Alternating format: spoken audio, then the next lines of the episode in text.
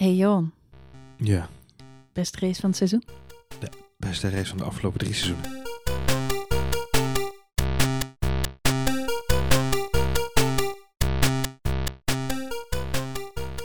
Hey hallo en leuk dat je luistert naar een nieuwe aflevering van F1 Spoiler Alert.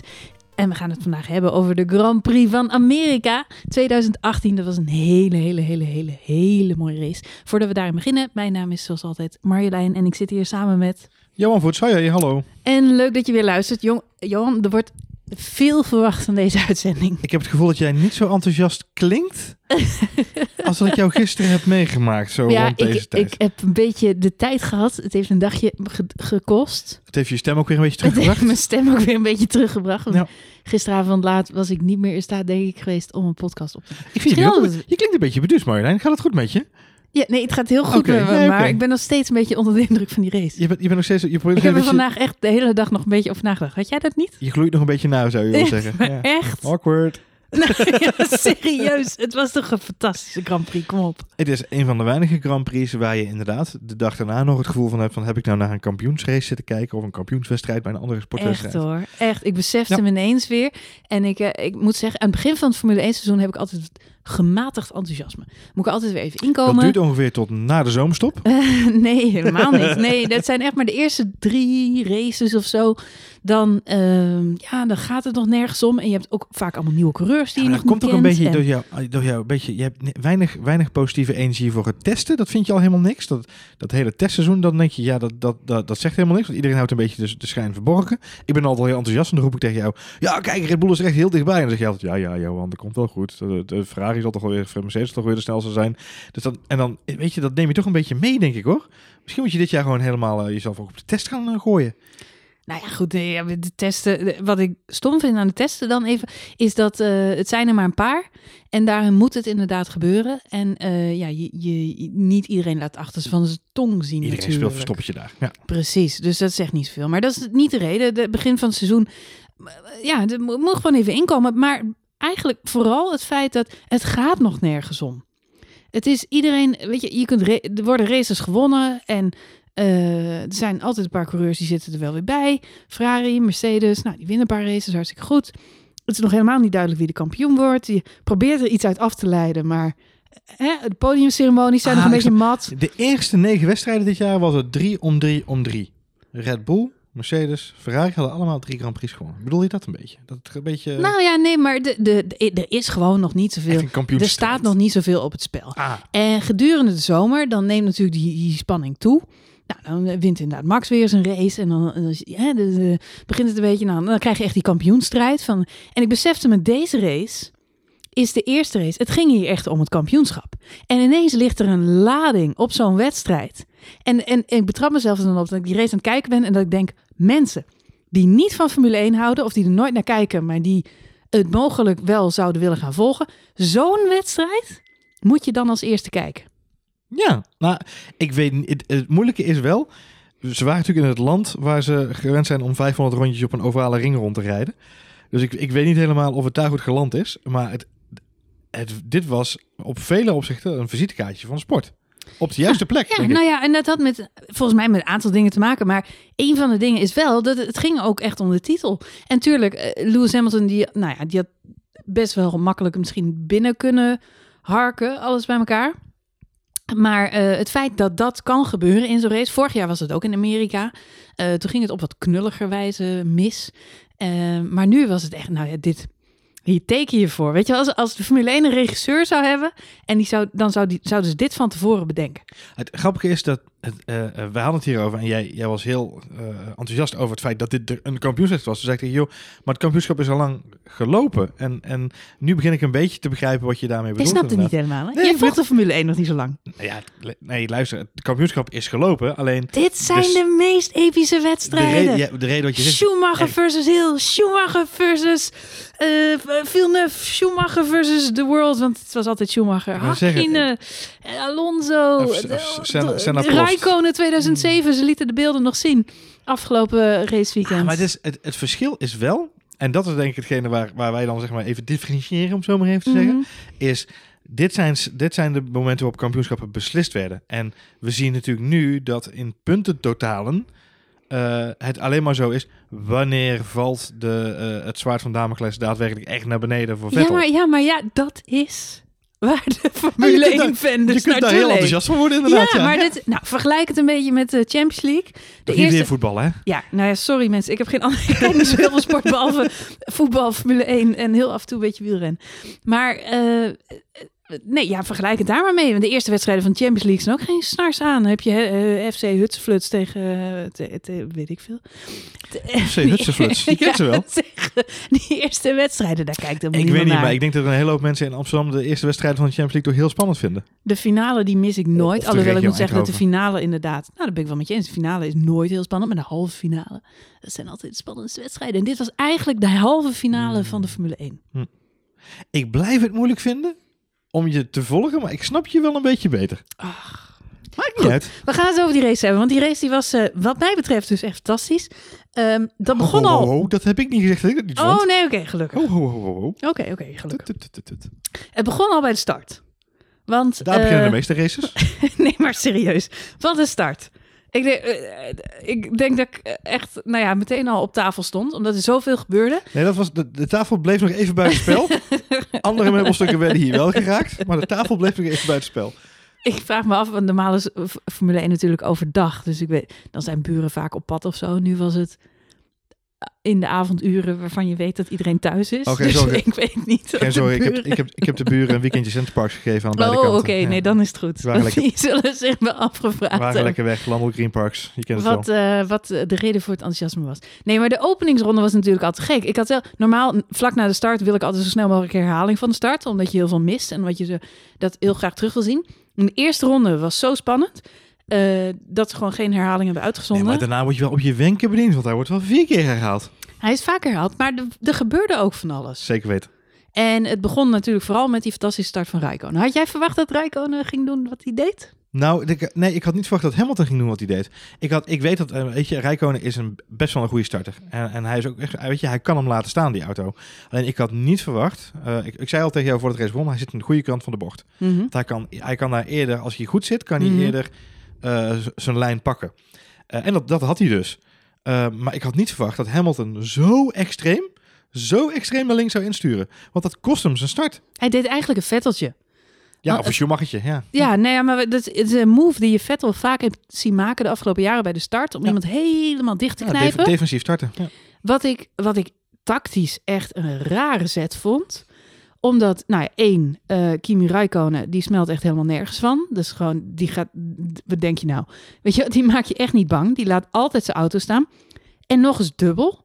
Omdat als Hamilton op het moment dat hij tegenaan rijdt, vergroot hij alleen maar de titelkans nog voor Sebastian Vettel. Ja, dan- of stelt hij het kampioenschap uit, je? Met andere woorden, op voorhand, hè, jij zei al een paar dagen eh, geleden, geloof ik, van eh eh, Räikkönen, die kan gewoon eh, Hamilton hem eruit er van de tikken. eerste bocht, ja. Nou ja, dat gaat Räikkönen never doen, kan Nee, maar vertellen. Hamilton had het wel voor zichzelf kunnen afroepen inderdaad, ja. Maar Hamilton had het inderdaad wel op, op zichzelf kunnen denk- En wat ik dus heel mooi vond, was...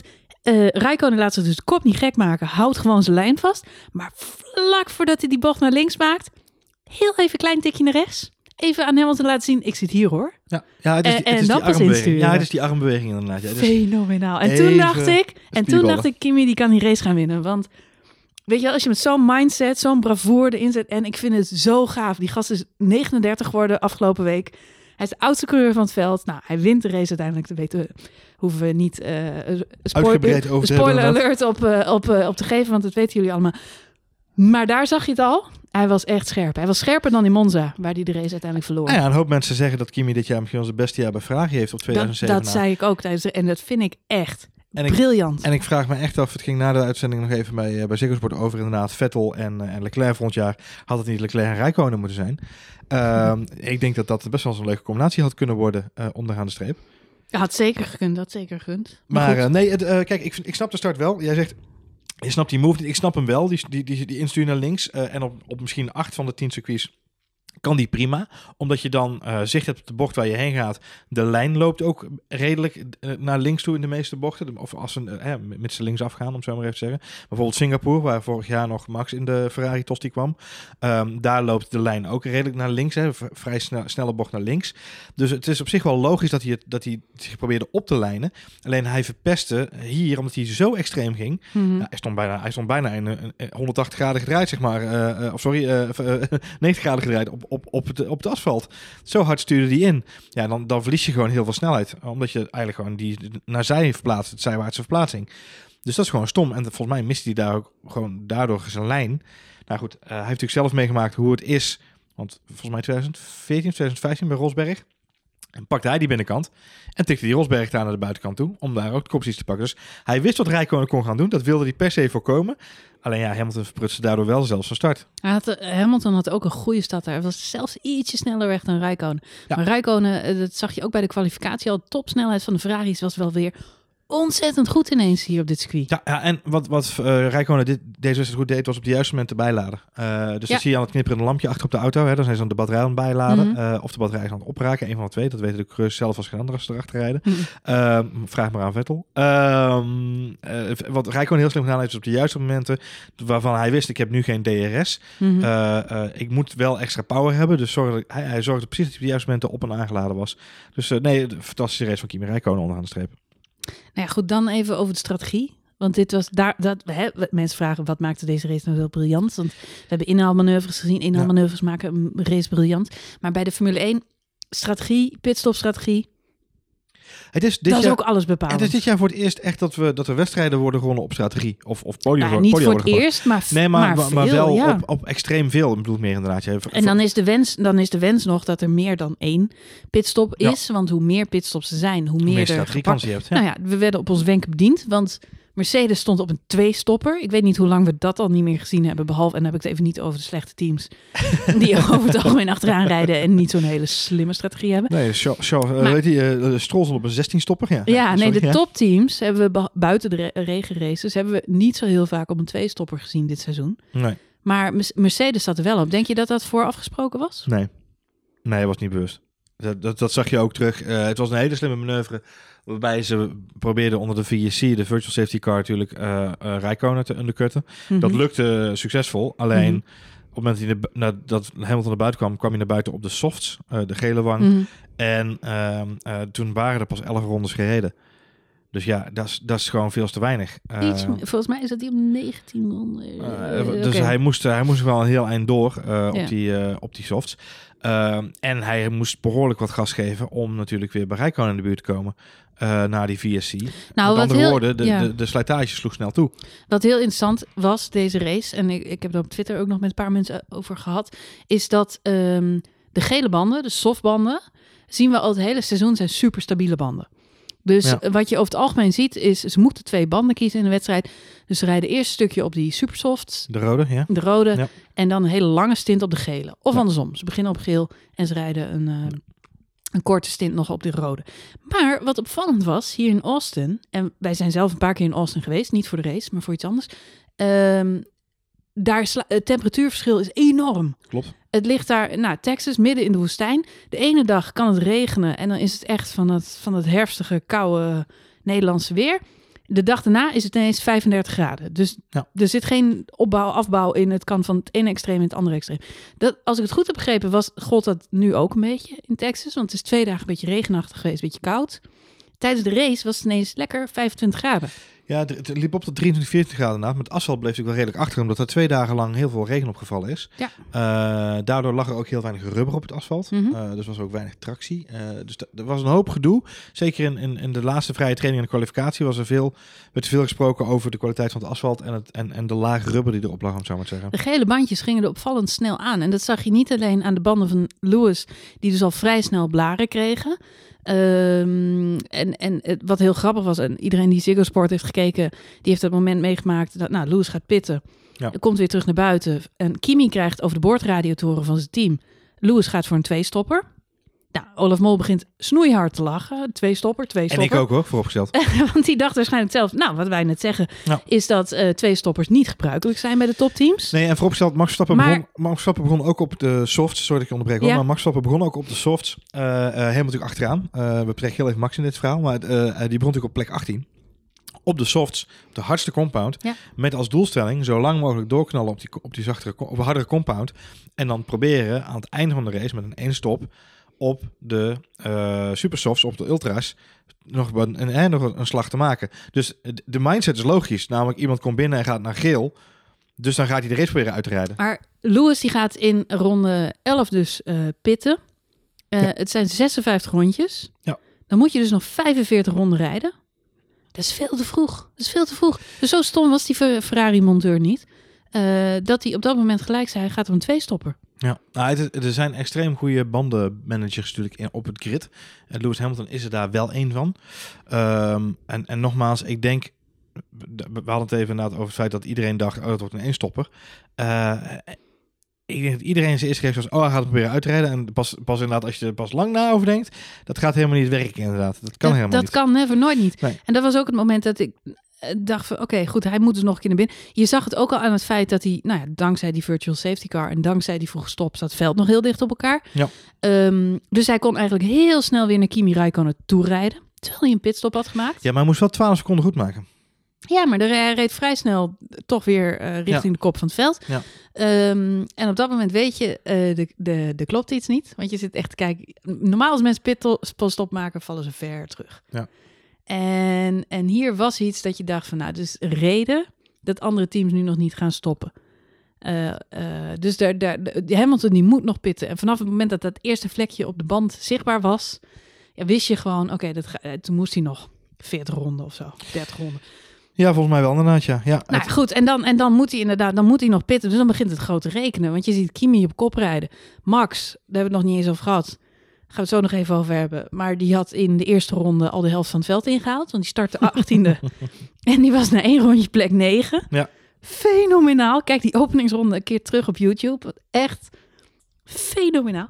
Eh, maar die lag op dat moment ehm, achter Kimi Räikkönen. Ja. En ja, goed, we weten van Max, die, die kan Kimi Räikkönen nog wel eens eh, willen aanpakken. nou, die zoekt dus elkaar wel eens op, ja. Ja, dus op dat moment realiseerde ik me, nou, het gaat dus Kimi en Max vandaag, die kunnen de race winnen. Maar goed, dat het uiteindelijk zo spannend werd. Nou, je denkt dat, eh, maar we, eh, terug naar Hamilton met zijn pitstop. Mhm. Dus ronde 11 naar buiten. Hij haalt, op een gegeven moment haalt hij, hij zegt ik wil gewoon ehm eh um, Rijkonen gaan pakken. Dus eh, je ziet hem gewoon gas geven, stampen, stampen, stampen op die, op die gele wang. En hij wil gewoon zo snel mogelijk proberen om bij Rijkonen te komen. Maar dat niet alleen, hij haalt hem zelfs in. En of het is heel erg slim van Rijkonen, eh, dit laat ik even het midden. Dit, kan een strategie zijn van Ferrari. Eh, hashtag HBF, het blijft Ferrari. Ehm, dus je weet het niet. Eh, het kan zijn dat Ferrari dat tactiek heeft gehad. We gaan zoveel mogelijk proberen om Lewis Hamilton achter ons aan te laten jagen. We laten hem zelfs dat hij, dat hij Kimi inhaalt. Dan gaat Kimi stoppen.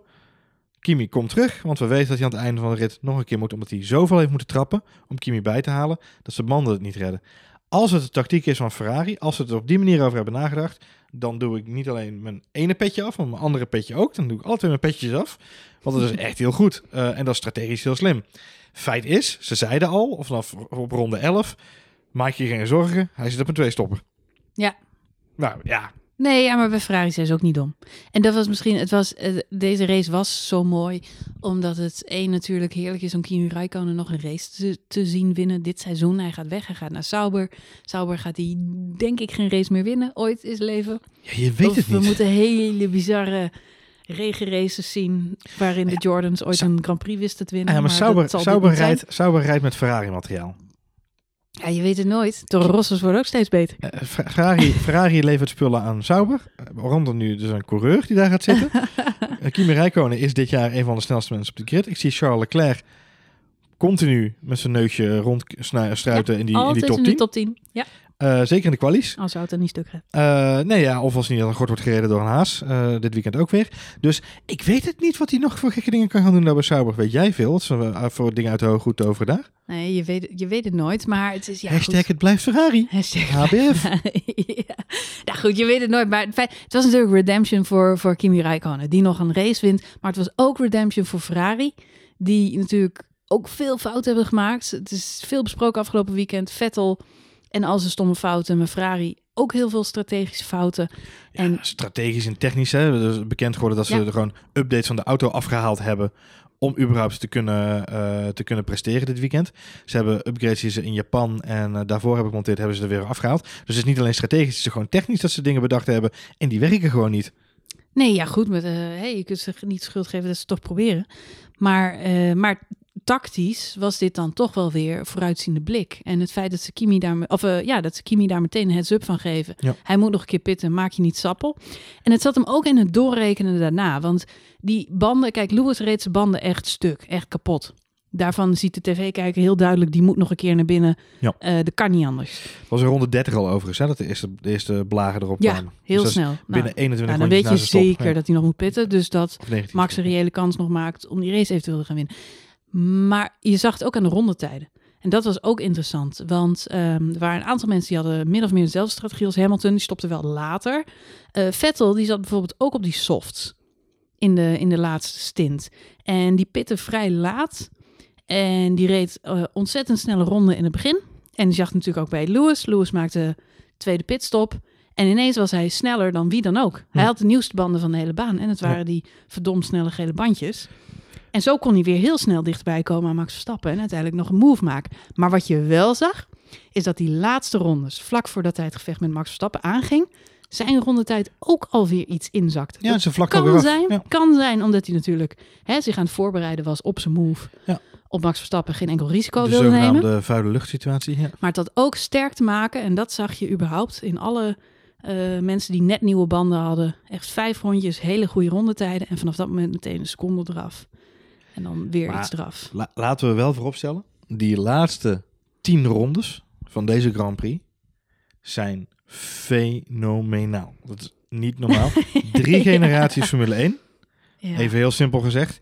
De 20er, de 30er en de bijna 40er. Maar ook zeg maar in tijd, moment van instappen. Kimi is in 2001 eh, eh, gestart in de Formule 1. Eh, eh, Alonso, twee, of, bij Alonso. Eh, Hamilton 2006 uit mijn hoofd. En, en Verstappen natuurlijk 2015. Het is natuurlijk bizar om mee te maken dat we voor het eerst deze groep mensen bij elkaar zagen. En ja, het is jammer voor Vettel dat hij er niet bij zat en dat het Rijkonen was. Maar ik vond het ook weer prachtig voor deze sport. Want dit zijn, wat mij betreft, waren dit, zijn dit de drie hardst rijdende racers. Racers, zeg ik. Mhm. Niet coureurs, maar racers. Die er op de grid staan. En die rijden om, om de koppositie binnen eh, seconden van elkaar. Dat was fantastisch. Dat is puntjes van je stoel en dat is te gek. Kimi, Lewis en Max. En Ja. ehm, eh, onze columnist eh, Convergeer, die zei vandaag in een column op een andere site... eh, we noemen ze bij de voornaam, want, omdat het echt racers zijn. Ja, nou, dat vind ik mooi. Maar Het- dat is ook ja. zo, weet je. Het is geen Bottas, het is altijd Bottas. Maar Bottas doet mee voor spek en boon. Ja. Laten we wel wezen, zeker deze race. voor de Ook hier, weer- je zag hem weer zo eens een keer zijn plek teruggeven. Ja, nou, Ja, maar goed. eh, maar maar ja, je hebt inderdaad drie racers van de bovenste plank. Waarvan iedereen hoopt. Ja, soms, soms is Formule 1 ook gewoon een film. En eh, alle sport kan soms zich echt ontvouwen. Dat je denkt van nou, ik zit gewoon naar een geregisseerd epos te kijken. En dat, dat, dit had alles. Want wat jij zegt, die drie generaties, die drie coureurs die. eh, ja, eh, alle drie voor de overwinning gingen. Die binnen twee seconden van elkaar uiteindelijk over start-finish komen. ja, het is Aan het eind, dat, Het is bizar. Echt bizar. Ja. En het had me, het had me eerlijk gezegd, het was me nog om het even of Kimi of Max zou winnen. Ik had eigenlijk maar één hoop en dat is dat Lewis niet zou winnen. Nou ja, het is als je gisteren kijkt naar, eh, eh, eh, als je deze podcast later luistert, we nemen deze podcast op maandag op. Ik zeg heel dat gisteren, ik betrap mezelf op de, tijdsfout bij het podcasten. Ehm, maar als je de race terugkijkt, dan, dan zie je Lewis Hamilton is zo ontzettend bloedje in vorm. En hij klaagt nu achteraf heel erg over zijn auto en over alle dingen die mis zijn gegaan. Mm. En de strategie. Maar als je kijkt naar wat hij gepresteerd heeft, welke rondetijden hij gereden heeft, hoe snel hij bij Kimi Räikkönen tot twee keer toe terugkomt. Ehm, eh, het is fenomenaal wat die gast laat zien. Het is, blijft van de bovenste plank.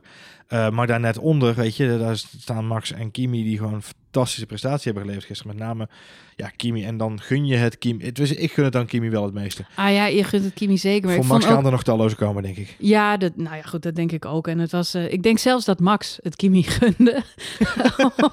Ondanks dat het hem zelf een raceoverwinning kost. Maar je merkte ook dat er wederzijds respect was. Ik denk dat Max zo blij was dat hij op die, die, heeft om zich Nou, heen gekeken en dacht, waar ben ik? Die, die had echt de race van, van zijn seizoen volgens mij. Die was zo blij en die, was, die vond het zo onverwacht. Dat hij, En het is ook zo, als je achttiende start en, en uiteindelijk tweede staat. Nou moet ik wel zeggen, ehm, volgens mij bij Ziggo of zo zeiden ze in de afloop van... was dit de mooiste race van Max ooit? Maar daar ben ik het niet mee eens, want eh, hij heeft het, ja, fantastische inhaalwedstrijd gereden. Voor mij blijft Brazilië echt nou, ja, een van de allermooiste races ooit.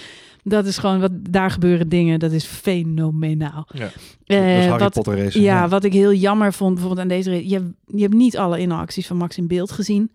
Eh, een aantal, maar het, is, het was niet... Hè, je hebt wel eens races dat je hem echt zo eh, linksom en rechtsom en linksom.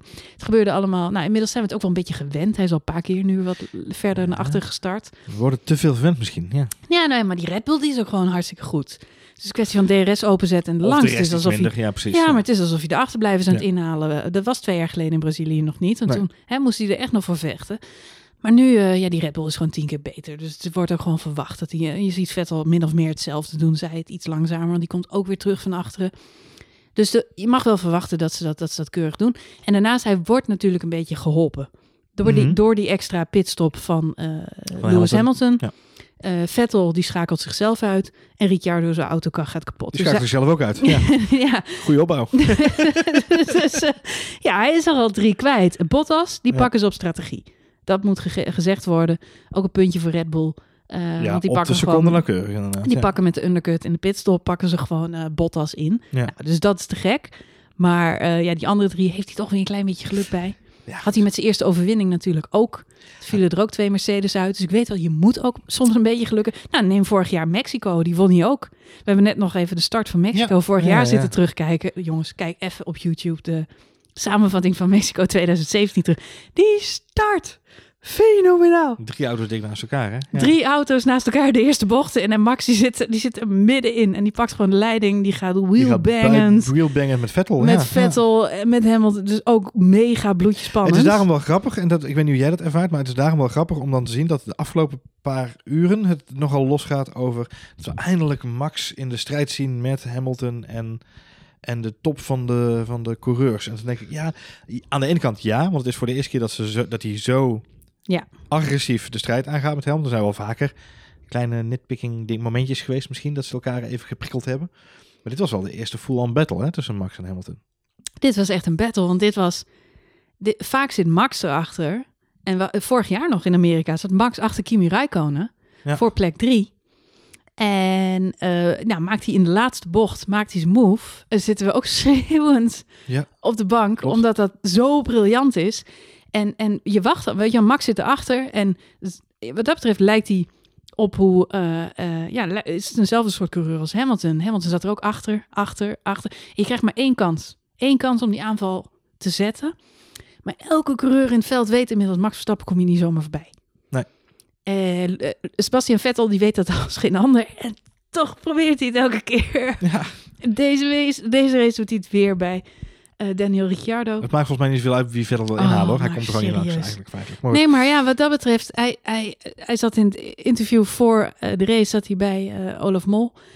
En, en dan zegt hij ook, nou, het zijn de mooiste races, de inhaalraces. Hij zegt, ik heb er wel iets te veel gedaan in 2018. Maar voor, voor, voor hem geldt, voor Vettel geldt nog steeds dat inhalen gewoon een van de leukste dingen van de sport is. En dat is ook zo. Maar als je dan nu Lewis Hamilton een inhaalmove ziet maken en je ziet nou, Vettel dat afgelopen races een paar keer doen, nou, dan is Hamilton ook wel echt weer de betere coureur daarin. Ja, Ondanks dat hij het niet pakt. Ehm, hij pakt Max niet. Nee. nee, maar ja goed, Max pak je dus niet zomaar. nee.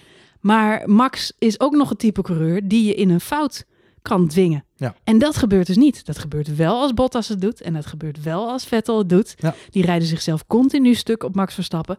En dat gebeurt Hamilton niet. Nou, wat, wat Hamilton goed deed, over Christian Horner heeft een term voor, hè? dat is vintage max.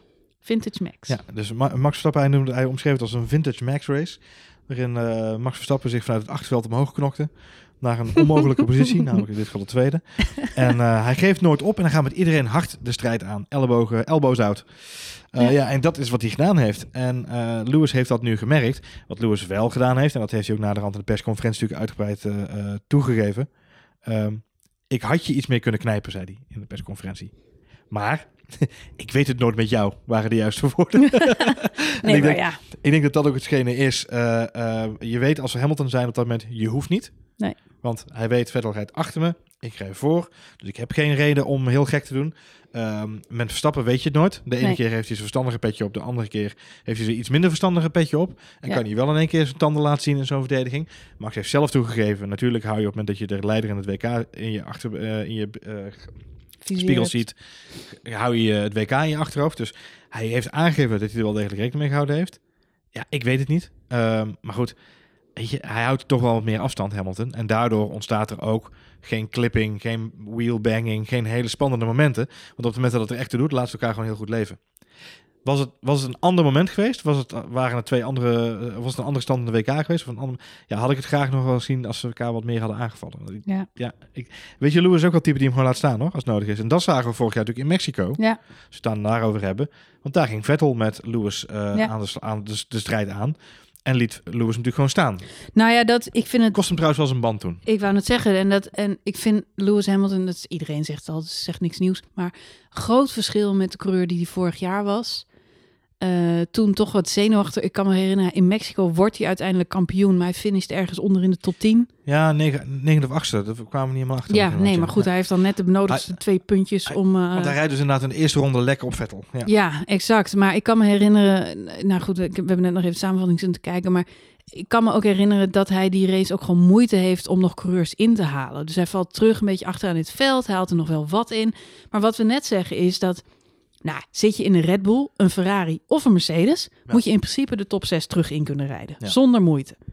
Dat, dat is appeltje eitje. Nou ja, dat lukt Hamilton vorig jaar niet in Mexico. Hij blijft een beetje zo in die top 10 sukkelen, komt er niet echt langs. Nou, Op een gegeven moment komt Max Verstappen komt volgens mij nog akelig dichtbij dat hij, dat hij Hamilton bijna op een rondje zet. Ja, dat klopt inderdaad. Ja, daar staan we iets van. Maar nu, nu we het er wat meer over hebben, realiseer ik me ook dat het probleem was ten eerste het eerste jaar met de nieuwe banden.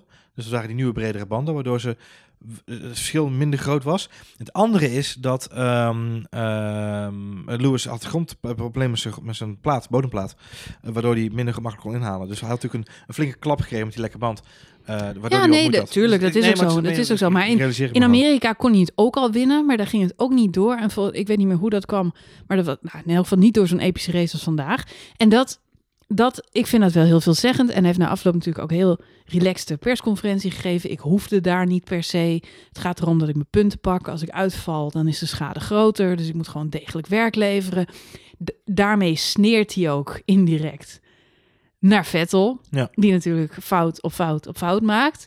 Alhoewel, moet ik nog wel even bijzeggen, als je het hebt over niet bemoeien met het kampioenschap. Ik, Daniel Ricciardo nam toch wel wat risico in die openingsronde, Ja, vond maar ik. ja, nogmaals, eh, verplaats ik denk, jezelf als hij een- ooit in het, in het vizier was geweest bij Ferrari, Nee, dan is hij die kans nu definitief Ja, kwijt. nee, zo moet je niet denken. Dat is één, je moet nooit zo denken. En twee, Daniel Ricciardo heeft zo'n beetje het grootste butseizoen alle tijden. Zeker de tweede helft. En die wil gewoon op het podium komen. Die wilde gewoon op het podium komen deze race. Die wilde Ja, oké, maar op het, over, het, algemeen in die, En in die race waar het en kampioenschap bepaald wordt, als je één van de twee titelkandidaten in je spiegel ziet, dan parkeer je hem langs de baan. Nee, want dan... dat- Jawel. Zo, dit heb ik je ook niet horen vertellen over Max Verstappen op Japan, in, op- in Japan. maar Max eh, Verstappen is buiten categorie. Maar in principe, In principe, al die als je andere, niet Max Verstappen bent... al die andere Ja, achterblijvers parkeren hem langs de baan als Nou. een Vettel of Hamilton in de spiegel zit. Volgens mij moeten we een aantal podcasts Aan de kant komen de kampioen aan. Volgens mij moeten we een aantal podcasts terugluisteren, Marjolein, waarin we al meerdere keren hebben beaamd dat het kampioenschap al lang gelopen is. En eh, eh, is het niet de kampioenswedstrijd? Ricciardo had daar gewoon, stond daar gewoon in zijn recht, houdt zijn plekje. En Vettel heeft gewoon onderstuur. Het is een eigen stomme fout. Het is een, een stomme fout van Vettel. Op een moment waar het niet nodig is. En het is de zoveelste. We, bij elkaar opgeteld de zesde, volgens mij. Eh, eh, maar misschien als we ons beter ons best doen, zien we er nog wel meer.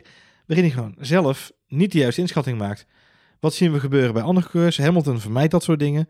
Die pakt het op een ander moment, pakt hij op een rechte stuk aan. Krijgt goed coaching vanuit, de, eh, vanuit zijn team. Krijgt hij te horen, eh, je hebt een eh, straight line deficit of een eh, straight line advantage. Want hij heeft het op een gegeven moment over Verstappen in de, over de boordradio. Hoe, ben, hoe ver ben ik van Verstappen? Ik weet niet of ik dichtbij nog kan komen. En dan zegt zijn team, maak je geen zorgen, want je hebt het rechte stuk, heb je een voorsprong.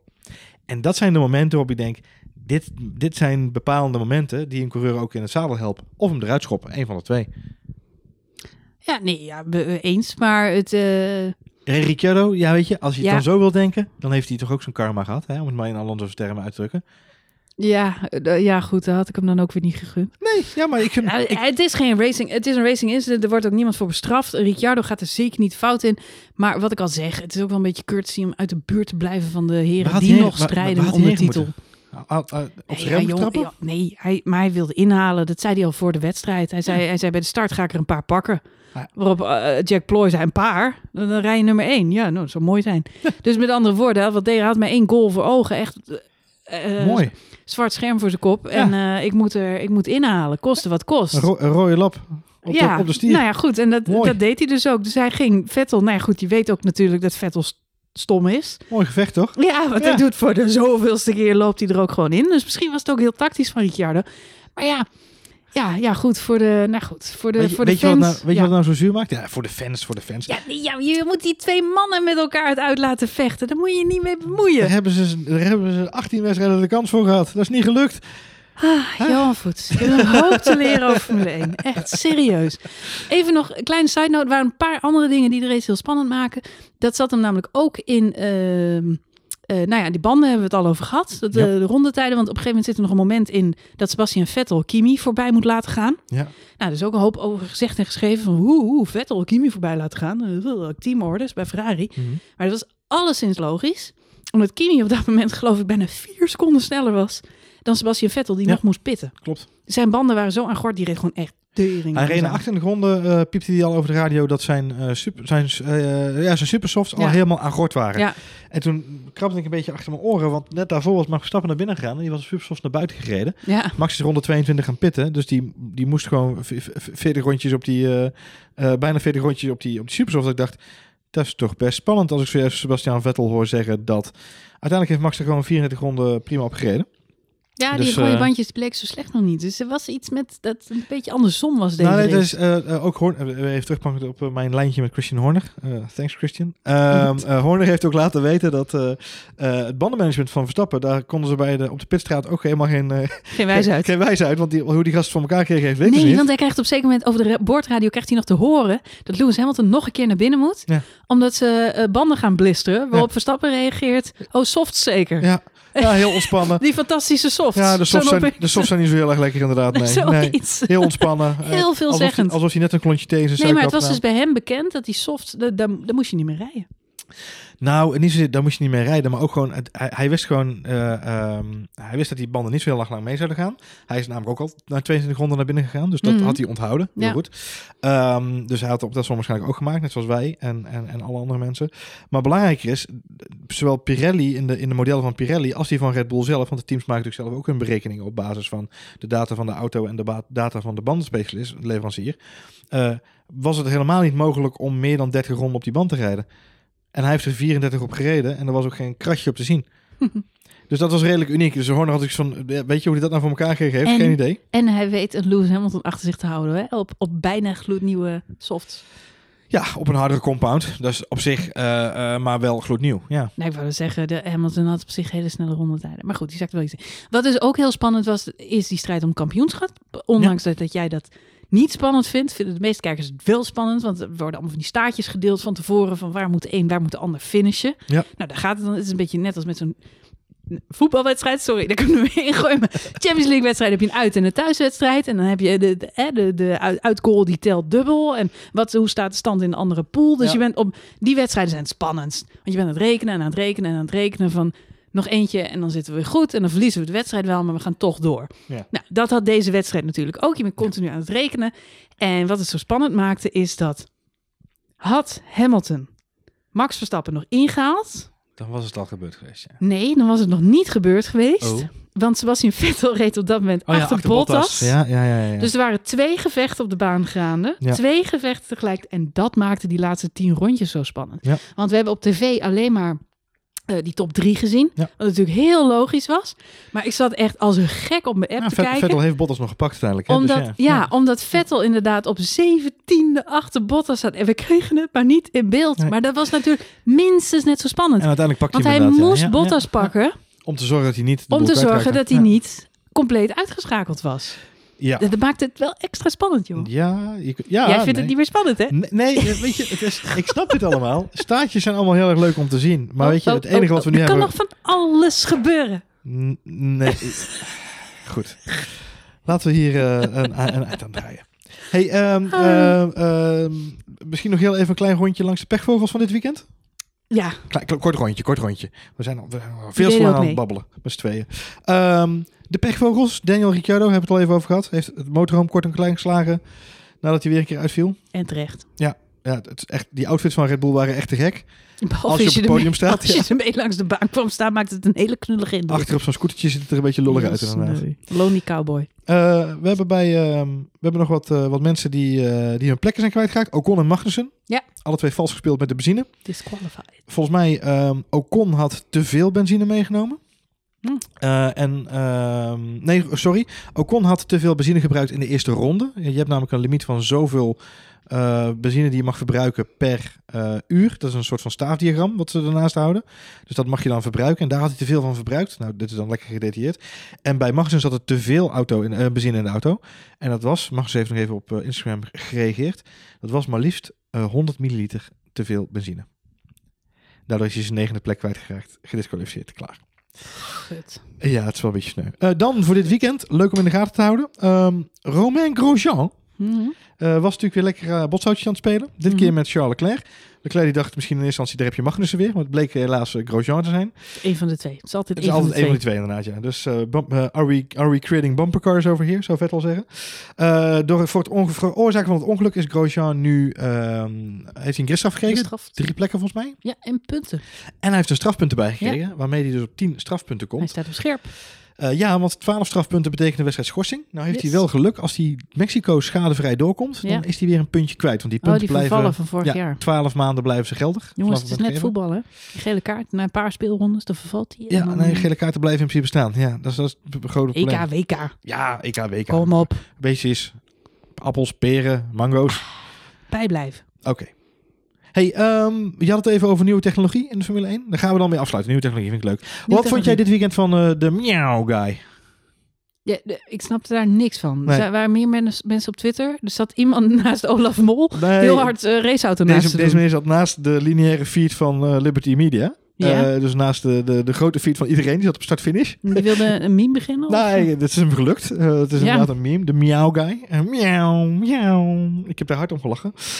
Dat heeft hij best lang volgehouden. Ehm, maar ehm, eh, ze, gaan, ze gaan hem helaas niet aannemen. Dat gaat, gaat niet nog een keer doorkomen. Maar wat, wat was de reden Ja, dat we hem hoorden? Ja, dat, hij zat heel dicht bij een microfoon. Dat was het probleem. Jongen, jongen, jongen, jongen, Eh, maar wat wel leuk is, is ze zijn met Fernando Alonso aan het kijken. Ik bedoel, Fernando Alonso die heeft natuurlijk alleen maar amateurs om zich heen. Heeft hij Ja, nog geroepen. zeggen. Eh, maar Fernando Hij Alonso, bijna vanaf. Fernando Alonso die eh, wil nog wel wat bijdragen aan de sport. Samen met zijn helmfabrikant Bell.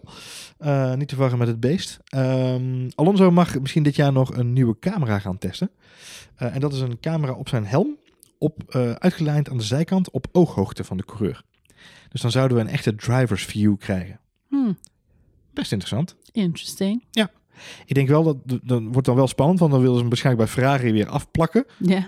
Nou ja, Ferrari kennende, hè? hashtag HBF. Plakken ze dan heel die, die visor af. Dus het is volgend jaar blind racen voor Charles Leclerc. Wat ik wel erg vet vond, dat is dat eh eh, Lewis Hamilton, die werd een hele tijd gevolgd vanaf zijn eh, front wing. Ja, dat was de, in- Camera. de inhaalrace op Rijkonen, ja, nadat hij uit de pit kwam. Fantastisch. Ja, de, Echt jacht, de jacht op Rijkonen. Ongelooflijk gave beelden. Oh, Marjolein, we hebben er alweer drie kwartier op zitten. Ja, maar eh, ik moet ik wel zeggen, het zou wel fijn zijn als je straks in de app ook eens van ehm camerapositie zou kunnen gaan wisselen.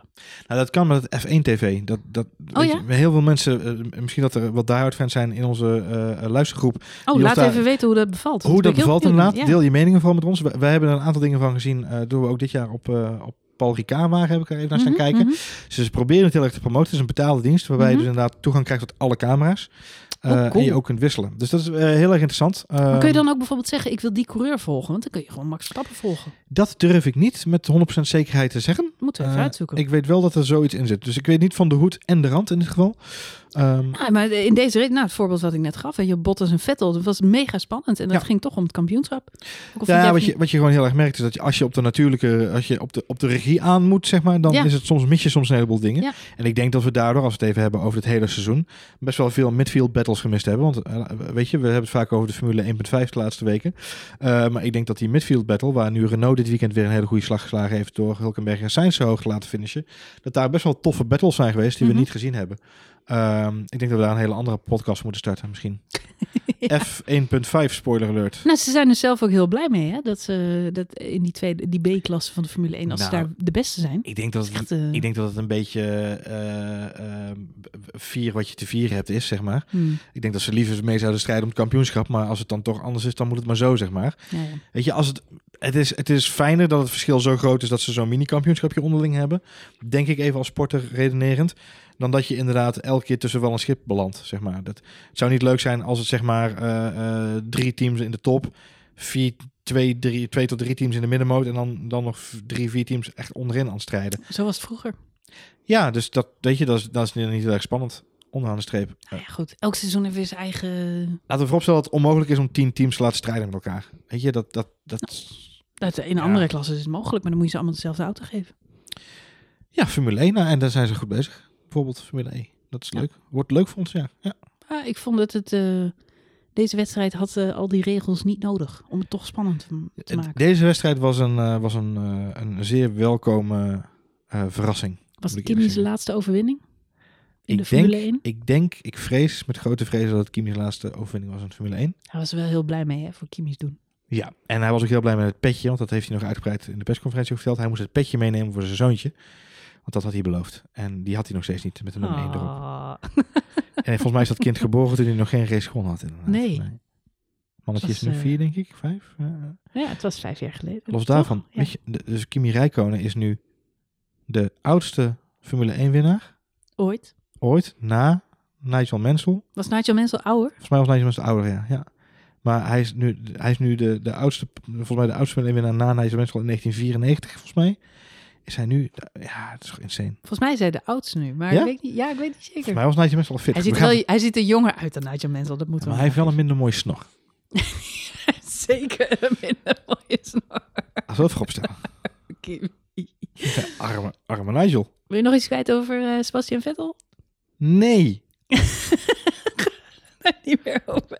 Ik Nee. vind het zo sneu voor Sebastian Vettel. Er- Iedereen er is- loopt die gast alleen maar te dissen. Ja, hij maakt wel fouten. Nee, ik, luister, eh, vooropgesteld. j- jij refereerde net naar het interview met Olaf Mol, waarin hij een hele uitleg had over dat hij niet wilde praten over het kampioenschap in de vorm van eh, eh, zij zijn beter of wij zijn beter, maar wij maken een foutje en zij maken een foutje en wij doen het goed en zij doen het goed. Nee, zeg maar. Het, het- je doet, je doet de Heel een veel doet, fout. Nee, de een doet iets beter of, of, of slechter dan de ander. Ja, En, en dat zei hij ook. dan heb je een aantal factoren waarin je beter en slechter kunt zijn. Ja. En zeg maar op de bepalende factoren, strategie, updates Ja. van de auto en het mannetje wat in Ja. die auto zit, heeft Ferrari het dit, keer, dit jaar een aantal keren slechter gedaan Ja. dan Mercedes. En daarom staan ze achter in het kampioenschap. Ja. En ehm, eh, eh, Vettel eh, zal heel zuur zijn, want zelfs Toto Wolff heeft na afgelopen weekend toegegeven dat Ferrari de beste papier had. Voor deze race. Eh, ze hadden de snelste auto. Mercedes had problemen. Eh, ze hadden de pace. Ze hadden alles in handen om te kunnen pakken. En waar gaat het mis? Omdat Vettel het gevecht opzoekt op de plek waar hij niet hoeft te zoeken. Ja, ja, ja. Dus nee, ik hoef niks over Vettel kwijt. Heb ik het alsnog gedaan. Ehm, Nou, wat ik veelzeggend En- vond, en- is de eerste vraag van de interview. We hebben het al vaker gehad over Ferrari en de, en de, de druk bij Ferrari. En Olaf Mol zei, ik mag een heleboel vragen niet stellen. Dus het was best wel een geregisseerd interview. Maar hij vroeg toch iets over, wat denk jij van jonge coureurs die nu in de sport ron- rondrijden? Hebben die het moeilijk? Waarop Vettel een lang antwoord geeft, waarin hij min of meer zei... Wat veel mensen zich niet realiseren is dat je in al die raceklasses raced. En in al die raceklasses ben je de beste. En op een gegeven moment komen al die beste coureurs uit al die generaties en al die raceklassen komen samen in de Formule 1. En het zijn alle beste, iedereen in deze klasse kan racen. Alleen wat veel mensen vergeten, dat is dat dit ook een mentale sport is. En dat het niet alleen eh, in die auto dus zwaar is om mentaal je hoofd erbij te houden, maar vooral het hele circus eromheen. De aandacht, de, de, de mensen die ernaar kijken, de belangen in een team, de politiek in een team. De, hij zei het niet met zoveel woorden, maar wat hij daarmee duidelijk maakte, is dat heel veel mensen zich niet realiseren. Ja, je kunt snel zijn, je kunt een goede coureur zijn. Maar soms ben je nog niet opgewassen tussen alle poespas en alle toestanden die ook bij Formule 1 horen. En ik vind het veelzeggend, omdat ik denk dat rijden bij Ferrari hem zwaar valt. Ja, want het is heel erg opvallend dat de man die op 23-jarige leeftijd als jonge coureur zijn beste jaren had, Yes. deze uitspraak nu doet, terwijl hij er qua senioriteit tegen opgewassen zou moeten zijn. Ja, dat zou die. Dus het klinkt een beetje als, eh, Maar ik weet niet of Lewis Hamilton het zou redden bij Ferrari. het klinkt een beetje als iemand die zegt, eh, als ik twee keer blink, dan moet je me komen redden. Ik denk dat er maar één man echt ideaal was voor Ferrari. En dat is Kimi Räikkönen. En die gaat weg. Ja. Want die, nou, alles laat hem koud. En Daniel Ricciardo gaat naar, eh naar nou, maar. Daniel Ricciardo die was ook gezwicht bij Ferrari. Niemand kan daar tegen. Kimi Räikkönen die bedankte op, op Instagram postte hij nog een foto. Fantastische overwinning. Hij bedankte het team. Hij bedankte Ferrari. Hij bedankte Italië. En hij zei, eh, jullie zijn altijd familie voor mij. Dat is toch mooi, hè? Nee, maar serieus, heb je Kimi En Räikkönen ooit zo En emotioneel? biggelde een ijzige traan over. Ja, maar het is toch veel zeggend, Johan. Marjolein, Het huwelijk tussen een coole Finn en het, en het gepassioneerde, emotionele Italiaanse Ferrari. Zeker. Beklonken met champagne dit weekend. Je zou er een boek over kunnen schrijven. We gaan naar eh, Mexico. Weer een kampioenswedstrijd, Marjolein. Ben je er klaar voor? Alle statistiekjes komen weer in beeld. Ja, dat zou dan toch wel eens een Ze beetje... gaan weer alle grafiekjes laten zien. Als dit de halve finale was, als dit de halve finale was, dan valt de finale altijd een beetje tegen. Hè? Nee, het- het- dit, dit was... Ja goed, laat maar. We De gaan naar Mexico. is dan altijd een hoge... Maar goed, we gaan naar Mexico. Vorig jaar was Mexico inderdaad erg spannend. En toen won Max Verstappen. Het is ook een leuke race, want ze komen... eh, het is een soort ja, slingercircuit. Door een En- honkbalstadion. Ja, ze komen door een stadion. Dus je ziet ze echt in, op een gegeven moment zo... woei, en dan tribunes rondom. Alsof ze... ja, Een van mijn favoriete races. Vanwege de views inderdaad, ja. ja.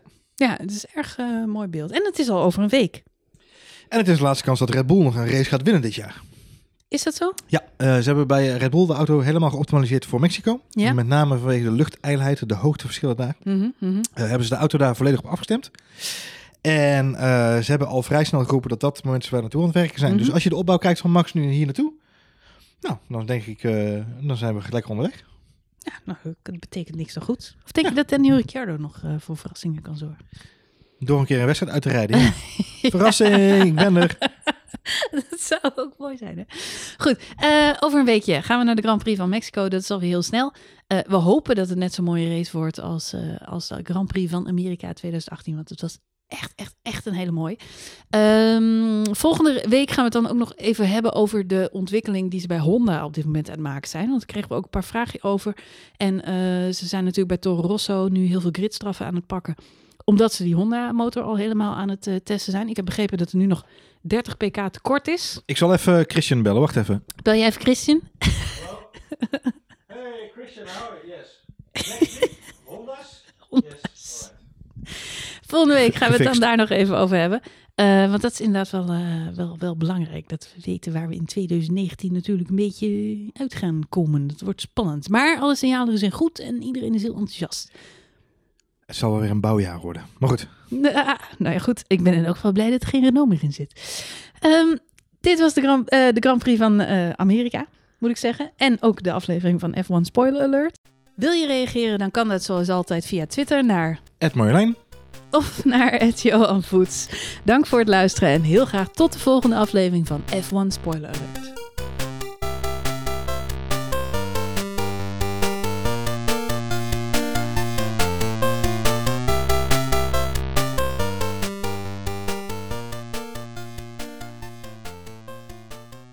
Eten we nou eh, dit weekend ook burritos? Leuk. En nachos, en tacos, Oh ja. tortilla. Ja, ik denk dat ik even een stukje hardlopen zo.